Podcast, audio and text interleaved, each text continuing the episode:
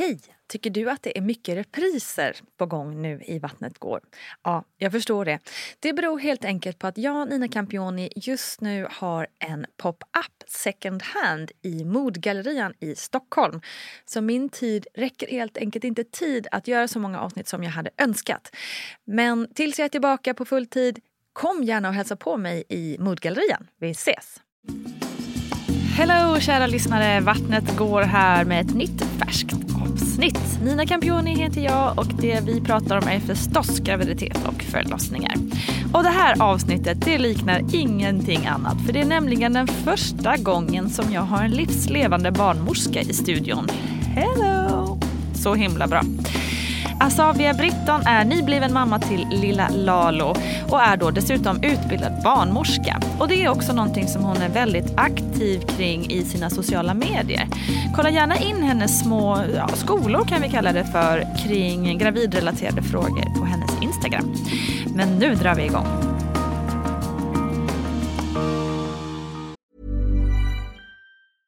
Hey, I'm Ryan Reynolds. Recently, I asked Mint Mobile's legal team if big wireless companies are allowed to raise prices due to inflation. They said yes. And then when I asked if raising prices technically violates those onerous two year contracts, they said, What the f are you talking about, you insane Hollywood ass?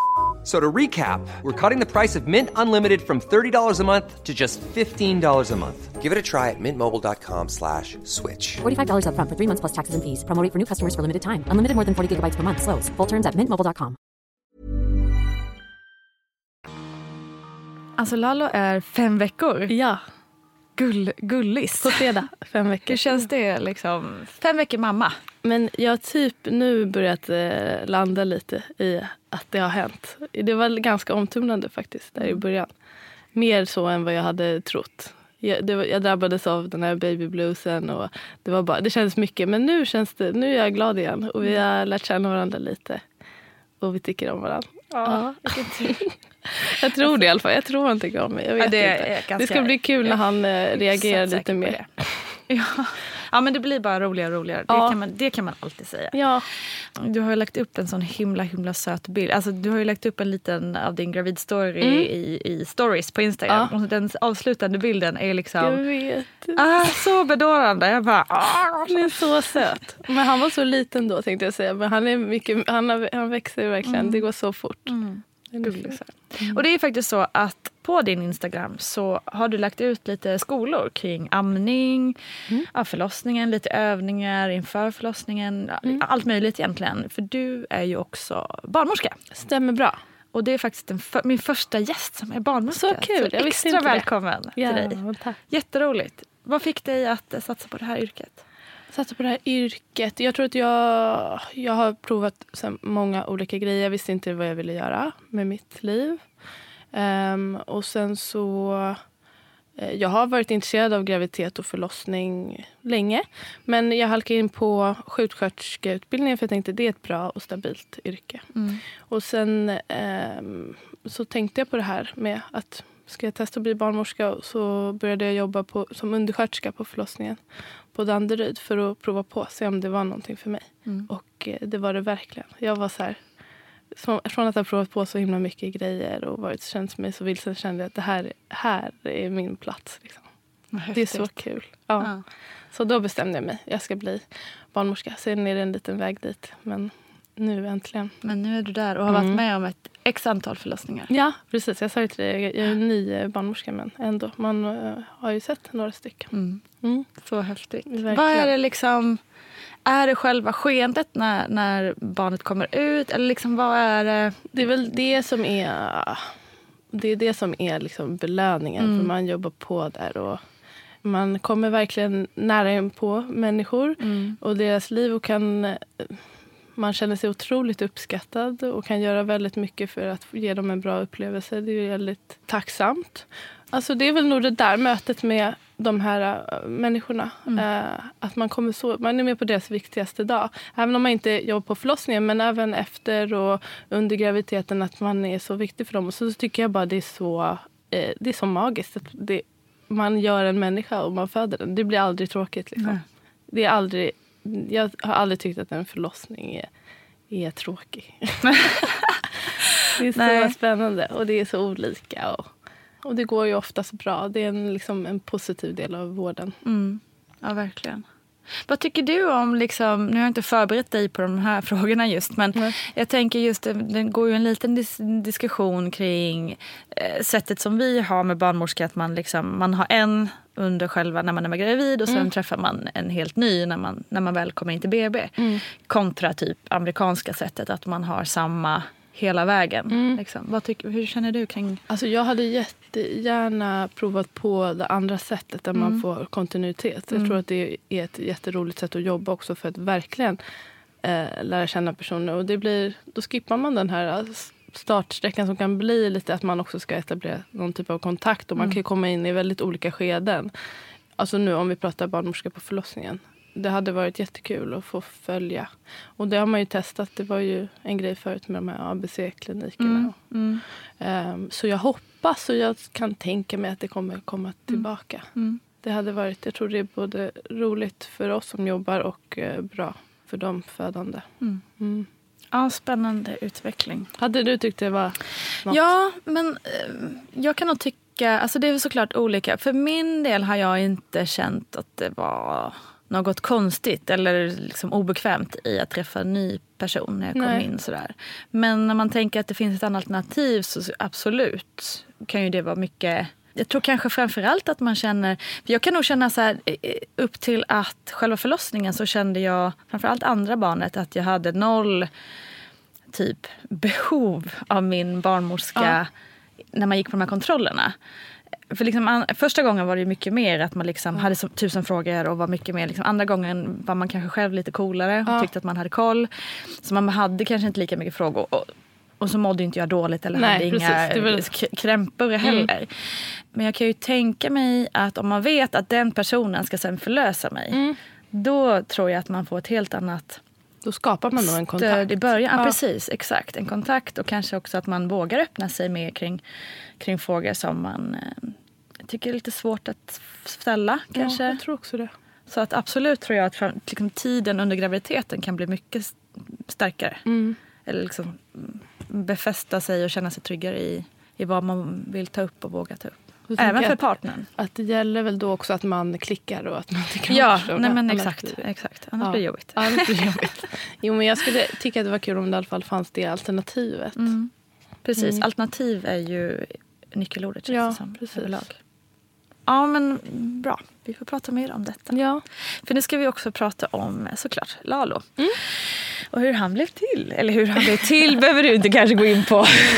ja. Men hur, hur planerad var han? Ja, jag tänkte att jag skulle få den där frågan och han är så himla planerad på ett lite överdrivet sätt. Och, alltså, jag, eh, jag är fullt medveten om att man inte kan bestämma så här, prick när eh, och hur. Och så, det kan ju ta tid, det vet jag verkligen. Men jag hade en förhoppning om att det skulle bli en majbebis.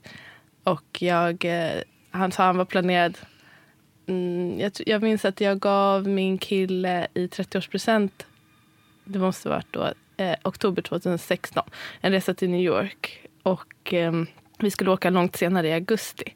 Och typ då började jag smida planer på att jag, jag ska nog bli gravid i New York. För att det skulle passa väldigt bra. Jag, jag har väldigt bra koll på min menscykel så jag visste att jag har ägglossning då. Och då skulle det bli barn i maj och det passar väldigt bra med min utbildning. Och du vet, så här, jag, Ja. jag funderade väldigt mycket på det där. Och, eh, och så blev det så. Wow. Ja. Hade din kille något att säga till om? Eh, mm, alltså, det, var min, det var väldigt mycket mina planer och mycket mitt initiativ. Jag tror att eh, om inte jag hade tagit initiativet hade det nog inte blivit nu. Men han var absolut med. Han, han gick med på det. Han är inte alls tvingad till det. Utan han bara, jag har sagt förut att vi ska göra barn. Men då har jag fått kalla fötter och bangat. Han, han visste nog inte om jag skulle göra det igen. Men nu var det, nu var det på riktigt. Men var det främst det med utbildningen som gjorde att maj var din favoritmånad eller hade det fanns det fler orsaker? Det var dels med utbildningen för jag tänkte jag vill inte vara höggravid i slutet av utbildningen. Ehm, för då är man på förlossningen och det är lite slitigt. Och så vill jag inte liksom råka föda tidigt så kan hinner jag inte plugga klart. Um, så framförallt det. Men också tycker jag maj är perfekt. För jag vill inte heller vara höggravid på, på högsommaren. Och jag vill inte vara höggravid på när det är kallaste vintern helst. jag har mycket krav på. Men jag tänkte bara att maj känns bra. Och så är det en så mysig månad att fylla år på. Det är det, jag kan garantera. Jag är Ja. själv född eh, 23 maj. Ja. Samma datum som du, din för- förlossning drog igång. Ja, precis. förstått. Ja. Eh, vi ska komma in på det mer sen. Jag fick som jag ville. Får se om det... Ja, det, jag tycker det är väldigt, väldigt snyggt Ja. gjort. Att man liksom hade en plan och, och det slog Ja. direkt. Och jag tänker också det här med ljus. Att det är så ljust och man har sommar framför sig och eh, alla är lediga.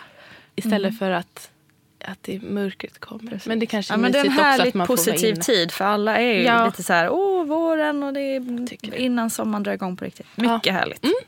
Väl planerat och grattis till att planen funkar. För Tack, som sagt, tack, det tack. finns ingen garanti. för Verkligen inte. Men hur var du? Hur var det att vara gravid då tyckte du? Ehm, I det stora hela så tycker jag att det var eh, underbart. Alltså det var min bästa tid i mitt liv. Jag hade, jag hade misstankar om att jag skulle tycka om att vara gravid. Men en stor del av det är ju att jag hade en, en enkel och bra graviditet. Mm. Annars kanske jag inte hade tyckt det var så härligt. Men ehm, jag tyckte att det var fantastiskt. Men om man delar upp det lite, det är en lång, en lång sak att vara gravid. I början tyckte jag väl inte det var så kul där, när man inte ser någonting. Man vet knappt, är jag gravid? De säger att det är det, men jag, jag känner ingenting. Jag hade lite diffusa symptom, jag var trött, mådde lite illa. Men jag mår alltid lite illa känns det som. Så det var inte något, något konstigt. Eh, och då jag var lite så här små orolig i början. Så den perioden, och så var jag också lite jag känslosam och sådär. Men sen från andra trimestern och framåt. När man började kunna se och sen när man började kunna känna. Då tyckte jag det var otroligt. Ja. Dels att jag eh, är jätteintresserad av alltså, att graviditet och förlossning och få gå igenom det själv eh, var så kul. Jag höll på så mycket och känna på den här, hur den här bebisen låg och, och sådär.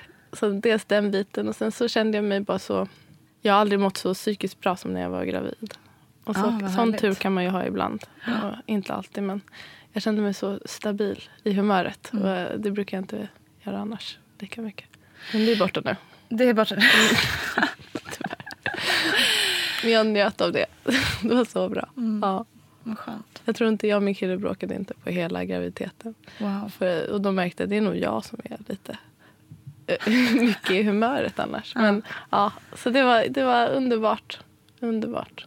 Vad härligt. Mm. Hur var du liksom i eh, kontakten med din egen barnmorska givet att du själv liksom pluggade till barnmorska? Och... Mm. Jag tänkte på att du det? sa det att du inte andra graviditeten så kanske du inte hade så stort behov av henne. Och jag kände väl så också. Jag tror hon, hon sa till mig flera gånger så här att mm, jag, kommer, jag försöker prata med dig som en vanlig eh, patient. Men det var också, jag känner henne sen innan och det blev inte riktigt som en vanlig patient. Och det var väl helt okej. Och jag hade inte, jag hade inte så jobbig graviditet. Så eh, det var väldigt korta möten.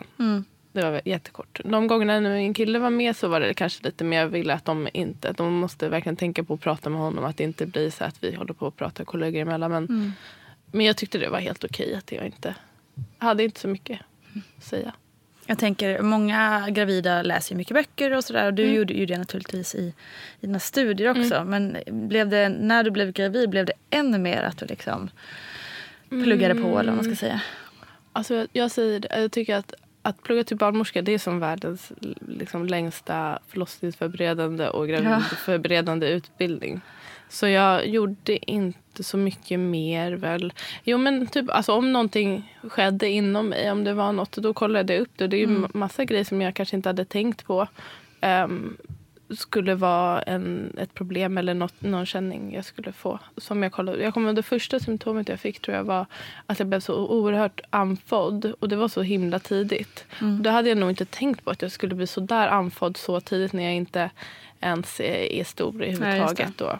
Typ, så- som en sån sak kunde jag kolla upp. Men eh, annars så läste jag inte några böcker eller sådär. Vi hade faktiskt en egen liten... Jag gick inte på några gru- grupper eller sådär heller för jag kände inte att jag skulle få någon ny info där. Men ehm, jag bad min eh, klasskompis och kollega att ha en liten en, eh, förlossningsförberedande eh, grupp med oss hemma med min syster och min kille som skulle vara med. Finns det någonting liksom som du då vet ut, utifrån att du är utbildad som du tycker att alla borde få veta när man går till barnmorskan? till? Alltså, tycker du att det är något som saknas som vi pratar om? Alltså, Liksom, du vet, Gud, någonting sådär specifikt. Jag tycker jag märker det när jag lägger upp olika stories och sådär. Då märker jag att det är så många saker som inte folk vet om kanske att de har rätt till eller som man kan göra. Jag kan inte komma på någonting um, någonting specifikt så som jag tycker att folk ska veta. Men jag, jag tänkte på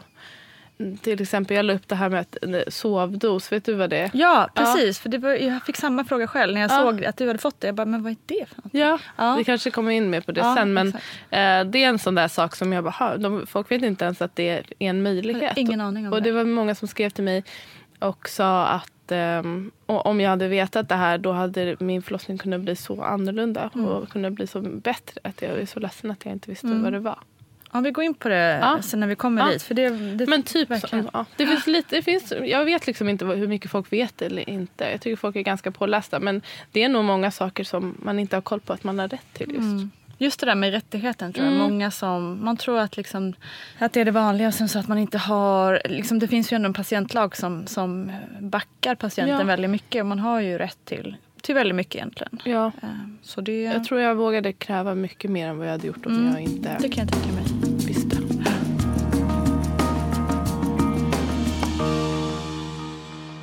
Men som sagt, du var ju ganska förberedd då på din förlossning Ja, kan vi säga. Eh, Så jag tänker att vi, vi hoppar, hoppar på där till Mm. eh, när det börjar närma sig 23 maj och, och det börjar, få, det börjar Ja. dra igång. Om man backar två dagar innan eller något sånt där. Eller tre Förlåt, nu dagar. avbryter jag dig. Men jag Ja, tänkte också skulle fråga, apropå att du också hör med din syster i, på förlossningen. Mm. När bestämdes det? Och varför? Det best- jag vet inte riktigt när det är bestämt. Men det, jag tänkte nog på det för att min andra syster, som förresten fick barn 12 dagar efter mig. Det var därför hon inte också var med. För att hon skulle föda snart. Men eh, när hon födde barn då var hela familjen med på SÖS. Och jag tyckte bara det var så himla härligt att vi alla var där och vi är en ganska tajt familj och jag blev inspirerad. Men sen kände jag inte att jag ville ha hela min familj för då skulle jag få panik. För man är lite olika. Men jag är väldigt nära min syster och jag tror mycket på att ha lite extra stöd med sig. Alltså, om inget annat för partnern. Alltså om man har råd och vill ha en doula eller om man har någon som man känner sig bekväm med så tycker jag att det är alldeles för få som utnyttjar det. Jag tror också det är en sån sak som folk kanske inte vet att man har rätt till. Ja, Att, liksom, att man, kan ta med sig kompisar, man kan Ja. ta med sig mamma eller pappa eller bror eller syster. Eller någon som känns som Precis. det bästa stödet jag för tror, dig. nej, precis, jag tror folk inte ens har det åt nej, tanke. Liksom. Och sen så finns det lite den här mentaliteten att det är någonting man gör själv. Det är väldigt privat. Och, och så kan det väl vara. Men man kanske kan bara väcka idén lite. Någon som, just för, jag tänkte, tänk om det blir en lång förlossning, vilket det blev. Det är bra om eh, min kille kan få sova lite. Att de kan vara i skift. Och min syster känner mig bättre än någon. Och hon är också sjuksköterska. Hon har fött barn förut. Jag tänker det kan vara jättebra stöd för både mig och min kille. Verkligen. Så det bestämde jag tidigt. Jag tror så fort, ja, jag sa det så fort jag blev gravid att du måste vara med. Mm. Och det var. Också så lyx- lyxigt att din andra syster har fått precis. Det är så lyxigt. Jämngamla kusiner. Det är underbart. Ja, Ja, de kommer ju bli bästisar. ja. Hoppas de tvingas vara. Okej, då fortsätter vi Mm. med förlossningen. Um, och jag, alltså, jag, mitt minne är inte det bästa, men jag ska försöka. Eh, så jag minns att jag hade BF 17 maj. Uh, däromkring var jag hos barnmorskan. Och ehm, så kollade vi det här SF-måttet. Där man kollar magen och hur livmodern växer. Som man kollar varje gång. Eh, och då såg man att det hade börjat plana av. Och då frågade hon vill du göra ett ultraljud för att kolla tillväxt. Och det ville jag. Och då vill man kolla att den inte eh, alltså, har slutat växa. Eh, och man letar inte så mycket efter stora barn utan efter små barn. Eh, och då gick vi och gjorde det. Och det visade sig att eh, det var inte alls att han var liten, att han snarare var ganska stor. Eller han började närma sig gränsen för vad som är stort barn, vilket är 4500 gram. Och det var första gången som jag kände att nu vill jag kanske att den här graviditeten ska börja rundas av. För annars, innan hade jag jag, jag njöt av att vara gravid. Jag kände snarare så här, hur kommer jag må när jag inte är gravid? För jag tycker att det här är så underbart. Men eh, då eh, började jag, inte, jag fick fick inte panik men jag kände och jag ville inte gå två veckor och så blir han större och större. Så då eh, bad jag att... Nej, jo, jag sa det här till min, eh, min vän som är läkare och hon frågade vill du ha, hon är obstetriker, hon, vill, hon frågade vill du göra det igen för att dubbelkolla att det verkligen är den vikten. Så jag ja, vi kan dubbelkolla. Och så kan jag samtidigt hinsvepa. Så gjorde vi det och det var, vikten stämde. Och hon försökte hinsvepa men jag var inte öppen alls. Mm. Eh, för man måste ju kunna komma in med ett finger i alla fall. Och då, den läkaren föreslog att vi sätter igång dig. vi väntar inte ut det här barnet och ser att den blir ännu större. För det är ju lite en eh, risk om de verkligen är så där stora. Sen så är de här ultraljuden som när de kollar efter stora barn, det är ofta fel. Mm, mm. Ja faktiskt, mm. förlåt jag inflikar men jag fick göra det med, med Essie. När mm. jag, eh, då var det samma sak att de tyckte att det planade ut. Mm. Eh, och då var det i slutändan, alltså från ultraljudet och född bebis så var det ändå 600 grams skillnad. Det är ganska mycket liksom. Ja. Så att, då var det bara så här, gud varför? Det, för det är därför man inte håller på så mycket försöker kolla efter stora barn heller för det blir ju mm. Det är en anledning till det. Men jag, och det här hade jag ju, om jag hade gett råd till någon annan hade jag verkligen sagt det. Och så också som barnmorskan sa till mig att liksom, med bra verkar kan du föda det här barnet. Din kropp är gjord för det och bla bla mm. bla. Mm. Men när det gäller en själv så är det inte alltid så himla... Jag bara, men det är jag som ska föda det. Så exakt. Jag, jag vill helst inte att den ska väga fem kilo. Liksom. Men eh, så gjorde vi det och så gick det inte att hinsvepa och det kändes också jobbigt för jag bara, det är inte på G alls. Eh, och hon tyckte att jag skulle då sättas igång. Men eh, så var det lite tur för att den här läkaren jobbade på Danderyd och jag var listad på BB Stockholm. Så då ville de att jag skulle gå till BB Stockholm så får de bedöma om jag ska sättas igång eller inte. Och det är lite olika hur eh, frikostiga läkare är med igångsättning. Mm. Och den första jag träffade var väl kanske ganska frikostig med det medan den andra tyckte att eh, det kunde vänta. Hon sa samma, det här med att liksom med bra verkar så går det bra. Och du har faktiskt inte nått gränsen för stort mm. barn än. Och hur kände du för själva, alltså jag förstår att du ville ha ut barnet, mm. men själva igångsättningsprocessen, mm. hur kände du inför det? Ja, det var, jag är så då, jag, jag ville, jag minns att de frågar mig. Båda gjorde det. De frågade liksom, vad vill du göra? Och det är väl jättebra. Men jag har så svårt att... Jag vet, jag, kan ni bestämma? Jag vet mm. inte. Mm. För det är för och nackdelar. Då började jag tänka så här. Tänk om det är ett stort barn mm. och jag är förstföderska och jag ska sättas igång. Det här är så här, nu samlar jag på mig mm. eh, riskfaktorer. så mm. började jag tänka. Och det var inte heller mm, liksom i min drömförlossning. Då skulle jag vara hemma och hålla på där hemma. Och vi, skulle, vi hade en plan och jag hade inte tänkt att jag skulle vara på sjukhuset i flera dygn. Mm. Så det kändes inte så kul alls. Så när den andra läkaren sa det, hon bara, ska vi, vi kommer överens här, jag försöker hinsvepa dig idag igen. Det här var dagen efter. Um, och om inte du har kommit igång om, jag tror hon sa tre dagar eller någonting, då sätter vi igång dig. Mm. Så det var dealen. Och det kändes ändå bra. För då mm. hade vi en plan. Jag ska inte gå över allt för mycket. Men förhoppningsvis sätta igång. Och då kunde hon hinsvepa. Jag var öppen en och en halv. Och där började jag få ganska ordentliga förverkar efter det. Har du hinsvept någon Nej, jag har aldrig gjort det. Det var kul. Eller hon, hon, hon, hon, tyckte att hon tog i sig himla hårt men det var inte ja. så farligt. Det var inte det? Nej. Ja, men det, däremot fick jag ju väldigt ont och jag undrar hur, hur, hur det påverkade egentligen ja, mina verkar sen. Om jag hade haft kanske mindre ont mindre mm. länge om jag inte mm. hade gjort det där. Mm. För det gav effekt på det sättet att jag fick ont. Då. Men vad är det exakt man gör? Kan du förklara? Ja, man går in då, man måste kunna få in ett finger mm. i förbimåendebunnen i cervix, i livmodertappen. Och sen så vispar man runt med fingret för att eh, lossa på fosterhinnorna. Och det här ska frisätta olika hormoner som sätter igång verkar och mm. sätter igång förlossningen. Mm. Och det, helst ska man göra det flera gånger så har det bra effekt. Oftast, inte alltid. Och ibland kanske det bara ger att man får pinverkar. Mm. Men då började jag få ganska jobbiga förverkar. Alltså så här, jag kunde prata igenom dem men eh, det var ändå att jag var tvungen att liksom stanna till och liksom andas lite och sådär. Så det var ganska jobbigt.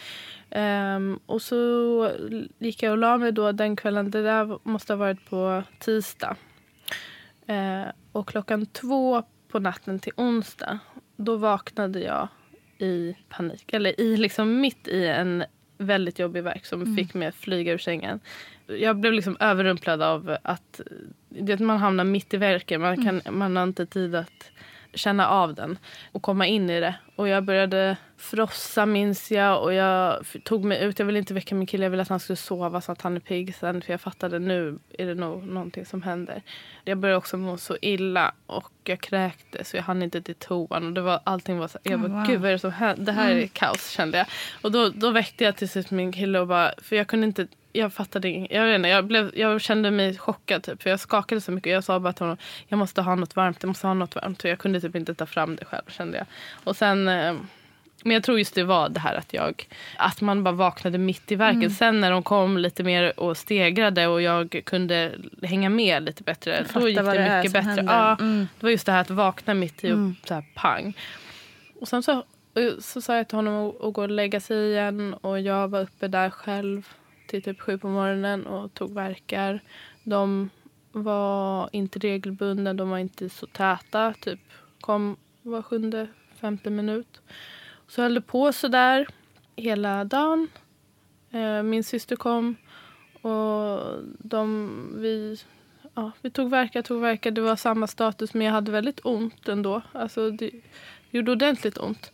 Mer ont än vad jag kanske hade tänkt mig. att den, Jag vet att man kan få såna här alltså riktiga pinverkar som inte gör så mycket. Men jag, jag tänkte nog inte att latensfasen skulle göra så där ont. För jag hade skitjobbigt.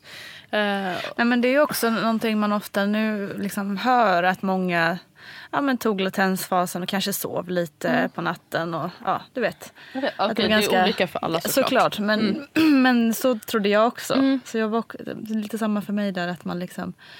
Ja, Man har ju, alltså jag har sett folk komma in och det, man tror att de nu föder dem Ja, när som helst. Men så känner man sig öppet liksom en centimeter. Ja. Och, och jag kanske inte fattar. Jag vet inte. Jag trodde nog inte att det skulle vara så jobbigt. Men eh, sen någon gång där på eftermiddagen så ringde jag in och bara berättade läget. Liksom och sa att jag, jag kan vara hemma mer men jag skulle bara vilja veta lite status. Jag försökte undersöka mig själv men jag nådde inte så jag fattade att kanske det inte har hänt så himla mycket. Och det ville jag veta. Eh, så vi åkte in. Och nu när jag tänker tillbaka på det var det kanske lite dumt men vi packade alla grejer och ändå så här hoppas på nu kanske ja. vi ska få Det är stanna ju där. klart att man hoppas. Liksom. Och Så vi åkte dit alla tre. Eh, och den vidriga taxiresan att så här, åka bil med verkar var... Mm. Men jag var ändå på, i gott mod. Men när vi kom dit hade jag inga verkar alls. Jag var uppkopplad på CTG en timme. Fick en verk under den tiden. Jag hade ändå haft var 50 minuter ungefär innan. Och det är ju ganska vanligt att det blir så att det slår ut verkarna. Men det var, det, man har aldrig längtat efter en verk mer. För jag, jag, kommer, alltså, jag tänkte jag kommer aldrig få en plats om jag inte Nej, ens har några verkar. Och sen så undersökte de och hade inte hänt någonting. Sen i, dagen innan när de hinsvepte. Jag var öppen en och en halv. Hon bara, jo men det har hänt massor. Du är utplånad. Alltså du vet. Ja. Att, jag bara, okej massor. Det är inte... Nej det kändes eh, jättetråkigt. Det kändes jätte, jättetråkigt. För jag kände verkligen det här... Ja, då började, det, för det gjorde så himla ont. Och jag, jag blev eh, ganska uppgiven. Och då var det ju inte tal om att vara kvar såklart. Utan gå hem och ta det lugnt, vila, kolla film eller vad det är man säger. Så här. Och det, det är sådana saker som jag aldrig ska säga igen. det är inte läge att liksom kolla. Alltså, det går inte. Nej. Och redan då så sa jag, kan inte jag få, om jag ska gå hem, för då klockan började, det började bli kväll och jag sa, kan jag få en sovdos då? Ja, Ska vi säga vad det är? då pratar vi om sovdos. Ja.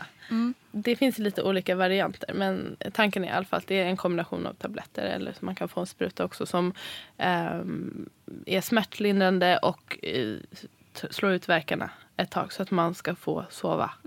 Och det kan vara bra om man har en lång latensfas och behöver eh, samla kraft. Så jag, det jag fick var då så starkare Alvedon, morfintablett, eh, Bricanyl. Så, ja, fast det, det fick jag inte än. Men för hon, den personen sa av någon anledning, hon tyckte inte jag skulle åka hem med det utan hon sa åk hem. Och sen är det bättre att du i så fall kommer in senare och får en sovdos ifall det skulle vara så. Men att vi undersöker det då så att du inte Okej. bara åker hem och tar den. Jag vet inte själv. Eh, hon tyckte inte det var bra i alla fall. Så jag fick inte den då utan jag blev hemskickad med Alvedon. Så åkte vi hem.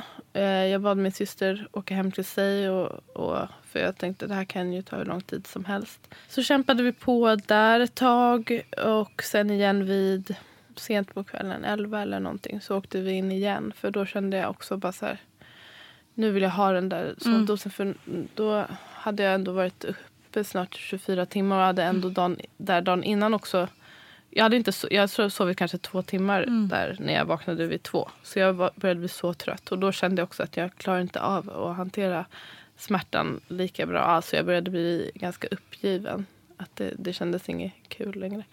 Um, jag somnade stående och så här. Så jag var så mm, trött. Wow. Jag bara, hur ska jag, klara, ska jag mm. föda barn sen? Det kändes inte. Men när vi kom dit då var jag öppen tre tror jag. Så det hade hänt lite grann. Eh, och då sa jag att jag vill ha en sovdos. Barnmorskan sa att ah, men det är väl bättre om du går hem med den. Mm. Eh, för du, du kommer sova mycket bättre hemma. Och sådär. Mm. Men jag sa nej. Jag sover jättebra här. Jag tycker om att vara på sjukhus. Jag vill inte åka hem igen faktiskt. Jag orkar inte åka, packa nej. våra grejer igen. Eh, och det är väl en sån där sak som kanske, jag vet inte. Och jag, skulle, jag vet att eh, man får kräva lite mm. grann också. Man, jag kanske inte hade vågat sig. säga det om inte jag var barnmorska. Jag vet mm. inte. Men jag sa det, jag vill, jag vill vara kvar. Jag kan, och då sa de att det finns inga platser på förlossningen. Eh, och det kan jag förstå att jag inte får vara där. Men jag sa, men då kan jag vara här på mottagningen. Eller mm. ni kan hitta någonting. Och då fick jag plats på antenatalen till sist. Där man är om man är gravid eller sätts igång. Um, och så fick jag den här sovdosen. Och det var det bästa som har mm. hänt mig. Jag sov i fem timmar. Fan som var skönt. Ja. Och jag fick vila från de här verkarna. Och jag sov så gott. Min kille sa att jag somnade på... Alltså, han hängde inte med. Jag somnade direkt. Liksom. Ah. Eh, och så vaknade jag. Och Men för, ja. får jag bara fråga då också med den här sovdosen. Är det ofta så att man som patient måste liksom veta att man kan få det och begära det? Eller ja. händer det att man sjukvården själva? Nej, det händer absolut ja. att sjukvården själv. Jag pratade med min...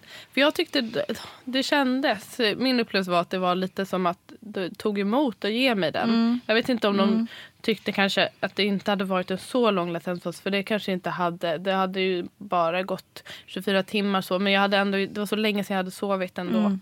Uh, och jag vet inte om de tog, hade förstått det. Man kanske tänker att efter 48 timmar så har det gått lång tid. Men jag, jag, pratade med min kompis som jobbar på en annan förlossning och hon sa att och vad konstigt, vi ger sovdos till alla. Liksom. Så jag tror att det är lite ah, beroende okay. på mm. eh, vart man hamnar. Mm. Det kan vara bra att veta att det finns i alla fall. Det kan vara jättebra man... att veta mm. att det finns. Mm. Just bara så man får en break. För jag, jag, mm. jag vet inte alls hur det hade blivit om inte jag hade fått sova. Uh, för jag vaknade och kände mig som en helt ny människa mm. verkligen. Och då kunde jag hantera det så himla mycket bättre. Och då uh, verkarna sattes igång av sig själv igen och det är ju det man hoppas på. Mm. Eh, och då var de lite mer regelbundna. Eh, och då var planen att jag hinsveps igen och jag går på promenad. Så jag skulle gå på promenad i två timmar. Om ingenting hade hänt när jag kom tillbaka då måste jag åka hem. Okay. Så jag så jag sa att hon ska hinsvepa mig riktigt ordentligt. Mm. Eh, och sen så gick vi ut på en två timmar lång promenad där i Danderyd. Det var en jättefin promenad. Så fin dag. Ja, det är ett fint minne som jag har när mm. vi gick runt där. Och jag tog verkar och de kom oftare och oftare. Och eh, när jag sen var tillbaka så hade de ändå gjort sitt lite grann. Mm. Jag hade öppnat mig till fyra och en halv då. Skönt. Jag tror att hon bjussade på en halvan faktiskt. men jag tog emot det. och de var regelbundna och eh, var lite starkare. Så mm. då fick jag plats på förlossningen. Äntligen. Gud vad skönt. Ja, jag var så glad. Uh. Hur kändes det att ta verkar liksom, offentligt? Eller man ska säga? Jag bryr mig inte om Nej. sånt alls. Nej. Det var inte så mycket folk där. Det var ganska nära sjukhusområdet. Så det var flera som, eller som frågade liksom, är det okej? Okay? Mm. Ska vi hjälpa dig? Mm. Men jag, var, jag var inte ensam, jag hade min pojke med mig. Och, eh, jag kände att det var lugnt. Vi var typ i något grönområde och gick mm. runt vid någon golfbana. Det var lite folk som golfade. jag tycker det bara det kändes eh, kul. Kul för dem att se ja, att det är precis. någon som håller på att föda barn. Jag hade tyckt det var jätteroligt. Ja. Så det var inget problem. Det var inga problem.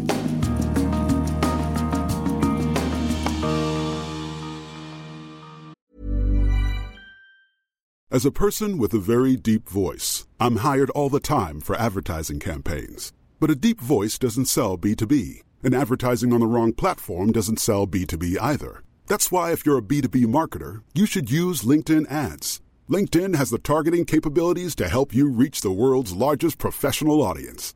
That's right, over 70 million decision makers all in one place. All the big wigs, then medium wigs, also small wigs who are on the path to becoming big wigs. Okay, that's enough about wigs. LinkedIn ads allows you to focus on getting your B2B message to the right people. So, does that mean you should use ads on LinkedIn instead of hiring me, the man with the deepest voice in the world? Yes. Yes, it does. Get started today and see why LinkedIn is the place to be to be. We'll even give you a $100 credit on your next campaign. Go to linkedin.com slash results to claim your credit. That's linkedin.com slash results. Terms and conditions apply. Ryan Reynolds here from Mint Mobile. With the price of just about everything going up during inflation, we thought we'd bring our prices down. So to help us, we brought in a reverse auctioneer, which is apparently a thing. Mint Mobile unlimited premium wireless. Ready to get 30, 30, bit to get 30, bit to get 20, 20, 20, bit to get 20, 20, bit to get 15, 15, 15, 15 just 15 bucks a month. So, Give it a try at mintmobile.com slash switch.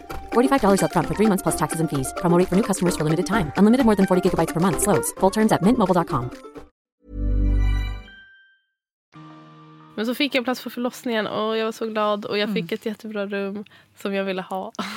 och eh, hon, så kom de och sa till mig att din barn, jag hade önskat mig en person eh, och sagt till henne innan eh, att liksom när min BF var och hon hade lagt många pass runt om där och jag hoppades på att det skulle vara och de sa att hon börjar om en kvart. Så du ska få henne. Och då blev jag Shit, så vilken glad. tur. Ja, då var jag så här, ah, nu, nu kör vi. Jag Ja. så taggad. Det kändes som vändningen.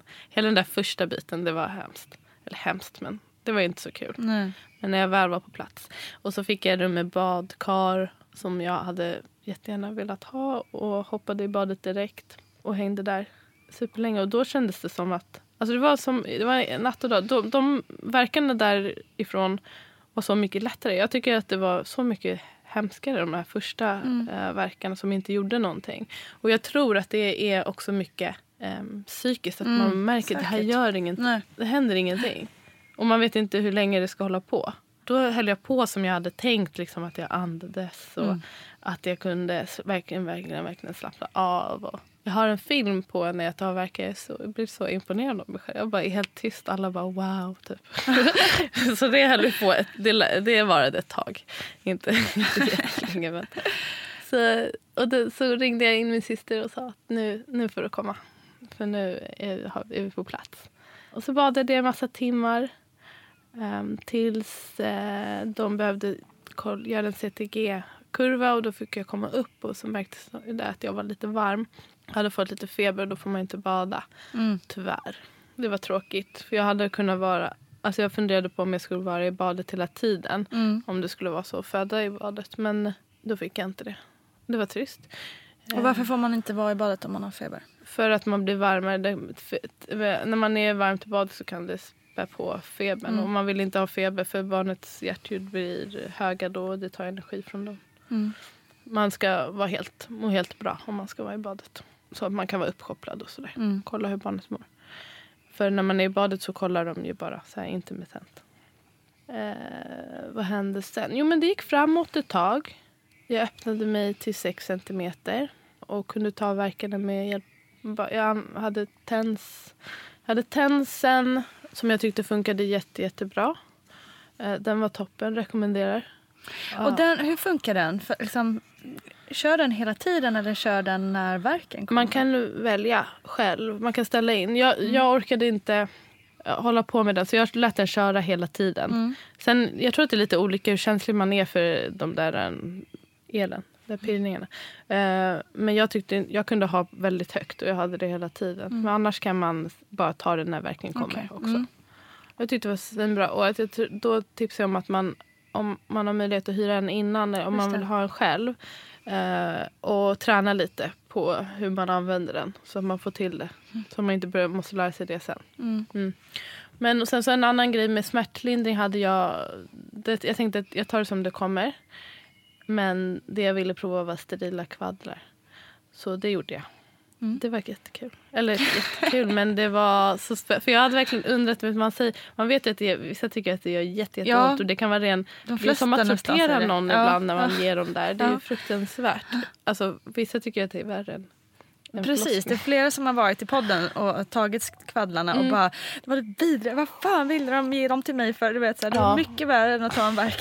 Men jag hoppas att man varnar att det gör ont. ja. Men jag ville bara veta också vad jag... För annars säger man saker men det är getingstick och man vet Just inte det. riktigt. Så jag tänkte jag passar på. Och eh, det gjorde ont. Det gjorde ont absolut. Men det var, jag vet inte, det var en häftig upplevelse. Hon, hon, hon la jättemånga. Hon sa att hon la 14 stycken. Det var hennes rekord. De lägger ju så här fickor. Ja. Och jag, jag, men verkarna försvann ju. Alltså jag, då kände jag bara det där svidande, svidande känslan i Ja. ryggen. Sen så domnade det av och jag tyckte det funkade jättebra. Och hur länge höll, höll sig verkarna liksom En- borta inom situationen? Alltså de var inte bort det. För jag tog det bara i ryggen. Jag vågade inte riktigt ta det i magen för jag tyckte det kändes obehagligt. Så jag hade ändå lite fram till. Men ehm, i, det var det en timme ungefär. Det var typ en timme, en och en halv. Så det är ju inte jättelångt. Och så ska man upprepa då om man vill. Men där omkring, där någonstans omkring så hade jag stannat av i hur jag öppnade mig. Jag, jag stannade på 6 centimeter jättelänge. Jag kommer inte ihåg hur länge, men alldeles för länge. Och en annan tanke jag hade med smärtlindring innan var att om, om det går framåt och jag känner att jag kan hantera det då skulle jag vilja undvika epidural för att inte stanna av. Men om jag har en väldigt lång ehm, om det är en lång process, risk att man blir verksvag och kanske uttröttad livmodern blir trött, då vill jag ha en epidural. För då kan det göra att det istället blir tvärtom. Att det rasslar till och att det hjälper. Så då sa jag att jag vill ha en epidural. Och eh, den hjälpte jättebra. Och jag fick vila ordentligt efter det.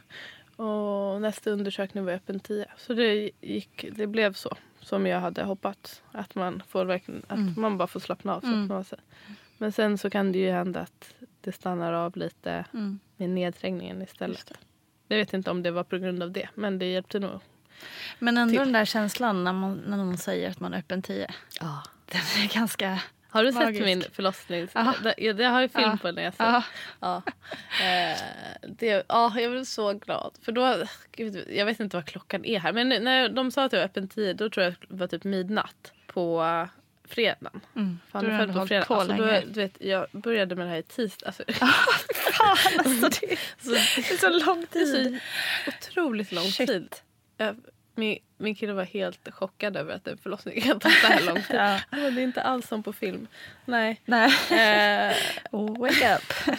men eh, ja, då var jag öppen 10. Och då jag kommer jag ihåg att då, då sa min syster, men jag, jag tippar på att eh, han är född, eller jag visste inte att det var han då, men att han är född eh, innan halv två tror jag hon sa. Mm. Bara, ah, Okej, vi satsar på det. Han är född klockan sex tyvärr. så, så det var ju inte alls eh, nära förestående. nej. Utan först är man öppen 10 centimeter, sen ska man bli retraherad och bli fullt öppen. Mm. Och den biten tog dels lite lång tid. Och sen från att man är retraherad så ska barnet tränga ner. Och det ska helst göra det på tre timmar. Men det tog, jag var retraherad, jag tror det tog fyra timmar för mig för den att tränga ner. Jag blev så förvånad när hon sa att det inte hade hänt. Alltså, för, så, så fort jag var öppen tid, eller så fort jag var retraherad då började jag göra massa övningar och squats och utfall. Och jag bara, ja, nu ska jag verkligen vara aktiv här och sitta på pallen. Och vi höll på och det, jag var positiv. Och, så vet, jag tänkte att jag gjorde allting rätt. Men jag hade fått verkstimulerande dropp innan. Men vi fick fortsätta dra på det. Hon försökte göra lite, barnmorskan försökte göra lite spinning babies övningar. För att få honom komma ner. Ja. Och det här med spinning babies Mm. övningar. Berätta lite mer om det.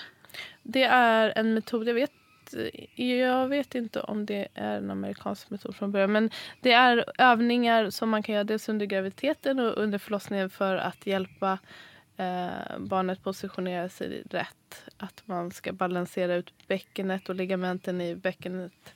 Eh, och göra det så gynnsamt för födsel som möjligt. Och man kan använda det om eh, barnet ligger fel. Om det ligger i sätet till exempel så kan man försöka ge dem mer plats för att den ska ligga rätt. Eller om de ligger lite snett med huvudet. Det är, det är helt enkelt övningar som man kan göra för att eh, barnet ska ligga så fördelaktigt som möjligt. Sen så är det ju absolut inte alltid det funkar. Men, Du har ju eh, visat några övningar på Ja. din Instagram. Ja, Jag vet inte om det var det som gjorde det men han, alltså han låg inte fel från början utan han låg åt, åt vänster och jag ville att han skulle ligga åt höger. Eh, det spelar ingen roll hur det ligger egentligen. Vi, men eh, det vanliga är att de ligger åt höger. Mm. Och då jag gjorde de här övningarna och han vände på sig i alla fall. Jag vet inte om det var det. Men det skadade väl inte. Och om inget annat är det väldigt skönt att göra de här övningarna. Mm. Så jag rekommenderar dem. Det, om man bara googlar på spinning baby så kommer första som kommer upp är en amerikansk sida som visar massa övningar man kan göra. Men hon gjorde en övning och jag tyckte den, det var så häftigt när de gjorde det. var som att jag skulle ligga på kanten av sängen och ha benet hängandes över andra sidan och nästan så att jag ramlade ner och min kille stod och så här höll emot så att jag inte ramlade ner. Eh, och jag bara, det kändes verkligen som att huvudet, nu, nu känner jag att nu är det ett huvud som håller det händer massor. Jag sa det, jag bara, nu händer det massor. Men det, tydligen händer ingenting. I alla fall så kom han inte ner. Men eh, vi kämpade på i alla fall.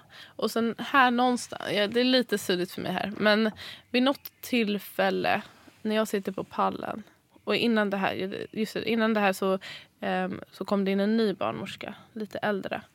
Som sa att min barnmorska som jag hade har en annan förlossning och kanske inte kommer hinna vara med på din. Och det tyckte jag var ganska jobbigt och hon var lite inget mot henne om hon lyssnar alls.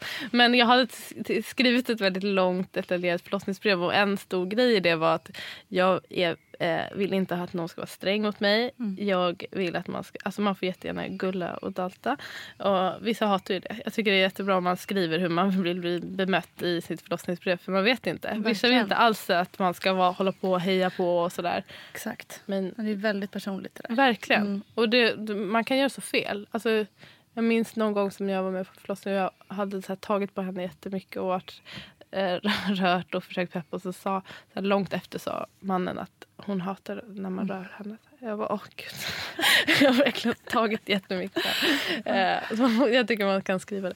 Och, jag vill, ja, jag vill, och så vill jag inte heller att de ska Mm, när man väl har fått epidural, då tycker jag i alla fall att man inte bara ska kapa av det i, någon gång under förlossningen. Utan har man väl gett det så tycker jag man ska fortsätta ge mm. det. Mm. Om, om det är det som eh, kvinnan vill. Och det första hon sa var att eh, nu blir det ingen mer påfyllning av, av epiduralen utan nu ska du föda barn. Typ. Och jag, då var jag inte så, jag vet inte, jag blev lite, jag bara okej, okay, säkert kan jag inte få det snälla? Eller, mm. men, nej men eh, vi brukar inte göra så utan nu ska du föda barn. Och hon var lite så sträng och då började jag känna att det här känns inte så bra. Jag ville mm. verkligen ha mer än andra. Hon hade varit med så länge och hon var superbra. Men eh, ja, hon, hon, kom tillbaka men jag tror att där hade jag börjat få lite någon oro. Så här, mm. att det här tar så lång mm. tid. Um, och sen så visade det sig att uh, sen att jag hade ganska hög feber. Jag hade 39,5 i feber. Så jag tror ah. att jag också började vara, bli lite, känna mig lite knäpp. Alltså, mm, vet, mm. Jag har aldrig feber annars men man kan väl bli lite snurrig i huvudet. För jag fick panik. Alltså jag fick som en panikångestattack äh, nästan. Åh gud vad hemskt. Uh, när jag satt, alltså jag bara skrek jag, bara, jag har panik, jag har panik. Jag, för jag kände också att jag bara, nu gör det ont hela tiden. Jag får ingen det gör ont hela, hela, hela tiden. Och då kom i alla fall min, den barnmorska jag hade haft. Hon, de hade skyndat sig, hon kom tillbaka. Jag blev så glad. Och hon sa att eh, ja, men du, får mer, du måste ha mer smärta för du kan inte vara liksom, på det här sättet. Um, men då, hade de, då tog hon tempen också i samma veva och såg att jag hade hög temp. Och då ska man göra, ta en odling på eh, cervix. Och när hon då försökte göra det, hon sa här går det inte att ta någon odling för du ska krysta nu. Mm. Så jag tror att det typ var det som jag kände, alltså jag tror att det var det som gav mig panik för jag fattade inte mm. vad det var som hände. Och det är en sån där grej jag hade trott kanske att jag skulle vara mer medveten om. För att jag tycker det är ganska vanligt att någon gång under en förlossning att man kanske känner den här känslan att nu vill jag gå hem, nu har jag mm, fått nog. Mm. Och då är det ofta eh, snart dags. Mm. Men det kopplade inte jag. Då. Det är lätt att läsa om saker. Verkligen. verkligen. Ja. Men eh, alltså, då sa hon att nu, nu står huvudet här mot bäckenbotten och vi kan köra. Och då, wow. ja, och då, då var det bara som att ja, nu, det, då var allt lugnt. Eh, paniken var borta. Och då kände jag nu får jag göra någonting. Mm. Och så höll vi på. Krista, Krista var min grej. Det gick så bra. Okay. tycker jag. Ja, det, jag kände att jag fick till det direkt. Jag kände att jag hade massa kraft och, ork. Ehm, det gick vi, Jag kryssade i 40 minuter.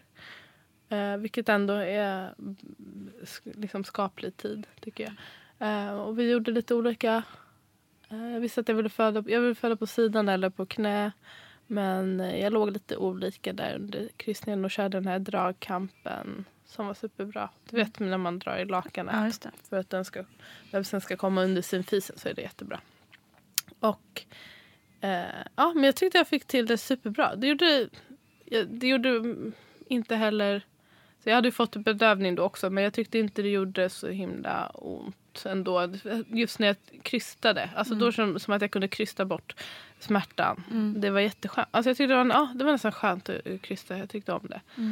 Eh, och sen till slut så var det ju dags för honom att komma. Och då, då sa de att jag eh, liksom jag ville verkligen känna på huvudet och känna när han kom och det kunde jag göra.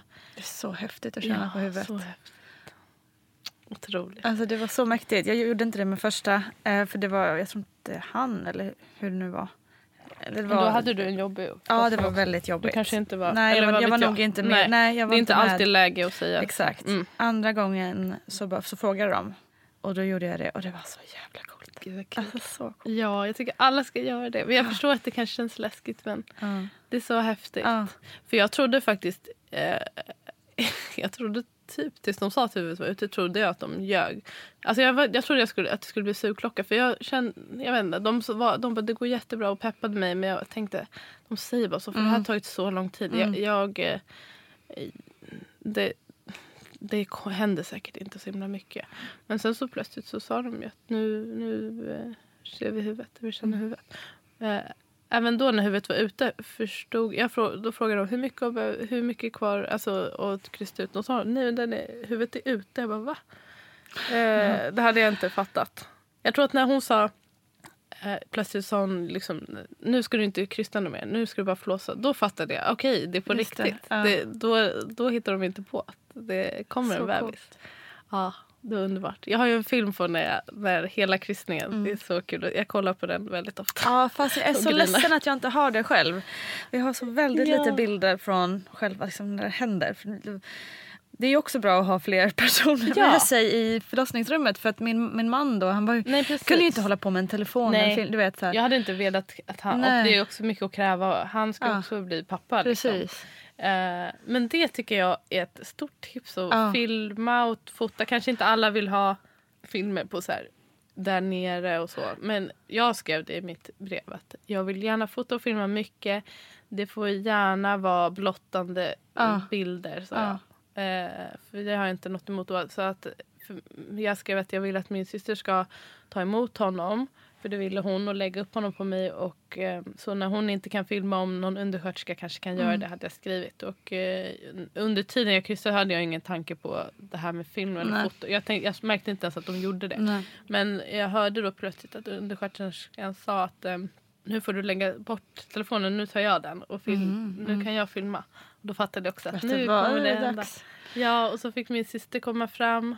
Och det har jag också film på. Och hon liksom är med barnmorskan och tar ut honom och lägger honom på mitt bröst. Och, eh, och hon börjar storböla och jag börjar storböla och eh, barnmorskan börjar böla och vi bara grät. fint. Det var så fint.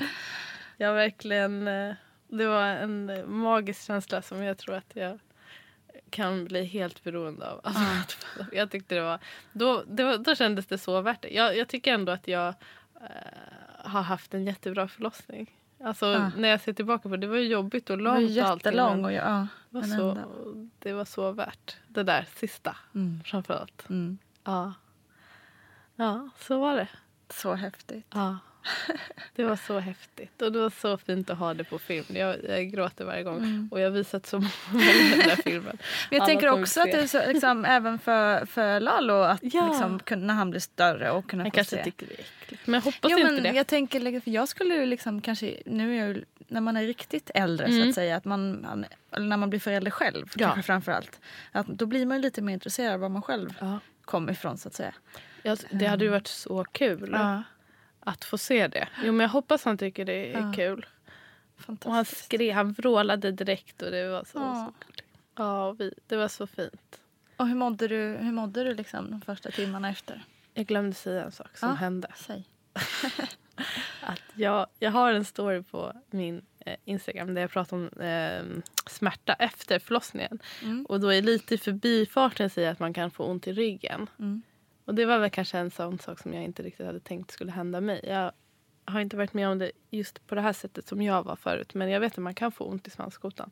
Men under tiden som jag kryssade så hörde man så här. Och som en champagneflaska, alltså som en champagneflaska som öppnar sig fast högt. Och jag kände att nu var det något som hände i min rygg. Och då, var- jag tror att, min, att jag bröt svanskotan helt enkelt.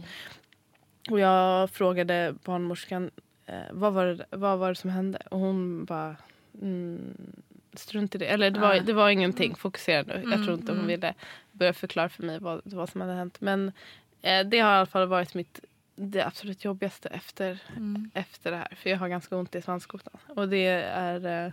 Jag hade väl inte heller tänkt mig att det skulle göra så här ont. För det enda man kan göra och det enda rådet man ger är att låta dig själv läka. Ja, det, det finns inte så mycket att göra. Eller? Nej, jag ska till sjukgymnasten i, senare.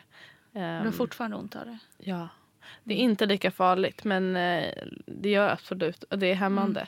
Och några månader till ett år. Uff. Nej, det, så den var jag inte alls beredd på. Jag fattade inte. Jag förstod att det hände, det hände någonting. Men sen när jag ställde mig upp, bara, det här, då gjorde det skitont. Alltså. Så den, jag ska inte bagatellisera den Nej, grejen. nej men precis. Men då, då är det liksom att, att barnet har tryckt så hårt mot svanskotan. Typ. Ja, Jag antar det. Så stark. Precis. Men och sen så, min syster sa hon bara, du tryckte ju verkligen, alltså jag tog ju i väldigt mycket. Ehm, jag vet inte om det spelar in, om, jag, om man kanske hade tagit det lite lugnare eller om han, ja att han tryckte på där. Det kanske inte, jag vet inte, det gjorde väl plats för att han skulle komma ut helt Ja, enkelt. Det är väl bra. Men det är tråkigt, de sa att om, när det väl har hänt en gång så är chansen ganska stor att det händer igen. Ah, Okej. Det är trist. Ja, precis. Hur tänker du på barn framåt? Jag vill ha flera barn. Mm. Jag vill i alla fall vara gravid och föda barn. Men jag vill också ha fler barn tror jag. Men Ja, du mådde så bra som gravid. Ja, precis. Alltså jag hade ju lite så småkrämpor men det var ingen jobbig graviditet. Och jag tyckte det var kul. Och jag vill framförallt föda barn igen och göra det kanske att det blir ännu bättre. Jag hoppas på att det kanske går lite snabbare. Jag vill gärna föda hemma kanske nästa gång. Mm. Men jag, jag tror att jag, jag får svara på den frågan kanske när det går, har gått lite längre tid. Jag har ju bara Exakt, varit mamma fem fem veckor. veckor. Alltså jag, det kanske, jag kanske tycker att det är jättejobbigt att Absolut. eh, ha barn. Och, ja, det är en det- tidig fråga att få. Ja, precis. Det är verkligen. Men eh, spontant känner jag att eh, fler barn är aktuellt. Mm. Om jag hade tyckt att inte att det var... Jag tycker det är lite oansvars... Alltså, jag vill inte skaffa fem barn bara för jag tycker det inte är läge för det i världen Mm. idag. Men annars hade jag säkert kunnat tänka mig att ha många. Vad skulle du vilja säga till, till någon eh, som är gravid nu eller som funderar på att skaffa barn? Eller, ja. Har du några råd, tips från coachen? Du är ju verkligen coach. Jag, jag förespråkar att ehm, försöka lära sig så mycket som möjligt. Eh, särskilt om man är lite rädd och orolig. Jag tycker att ehm, de flesta som följer mig till exempel tycker att och är rädda, ju mer de lär sig eh, desto mindre oroliga blir de. Att eh, liksom, kunskap är makt tycker jag. Och att om man försöker söka på seriösa källor och lär er om det som skrämmer framförallt. Så, så framförallt till de som är lite rädda, försök eh, fundera på vad det är man är rädd för. Och lär er mer om det. Och sen så, um, eh, så tycker jag att man eh, på förlossningen funderar på om man kan ha med sig kanske ett extra stöd. Mm. Det går bra, man får ha det. Eh, och skriv ett ordentligt förlossningsbrev med vad du önskar och vad de här personerna som är där kan göra för Mm. dig för att underlätta. Se till att de läser det, gärna Just högt tillsammans. Ja. Ja. Och, Superbra. mm, ja. Jättebra råd. Och eh, då får jag också tipsa om din Instagram. För du har ju väl Ja, liksom tagit på dig lite också att vara lite folkbildande. ja, det bara blev så. Ja. Jag råkade lägga upp en grej en gång och så var det folk som var intresserade. Ja. Så fortsatte jag med det. Superbra. Ja, Fler sådana behövs i världen. ja det är jättekul.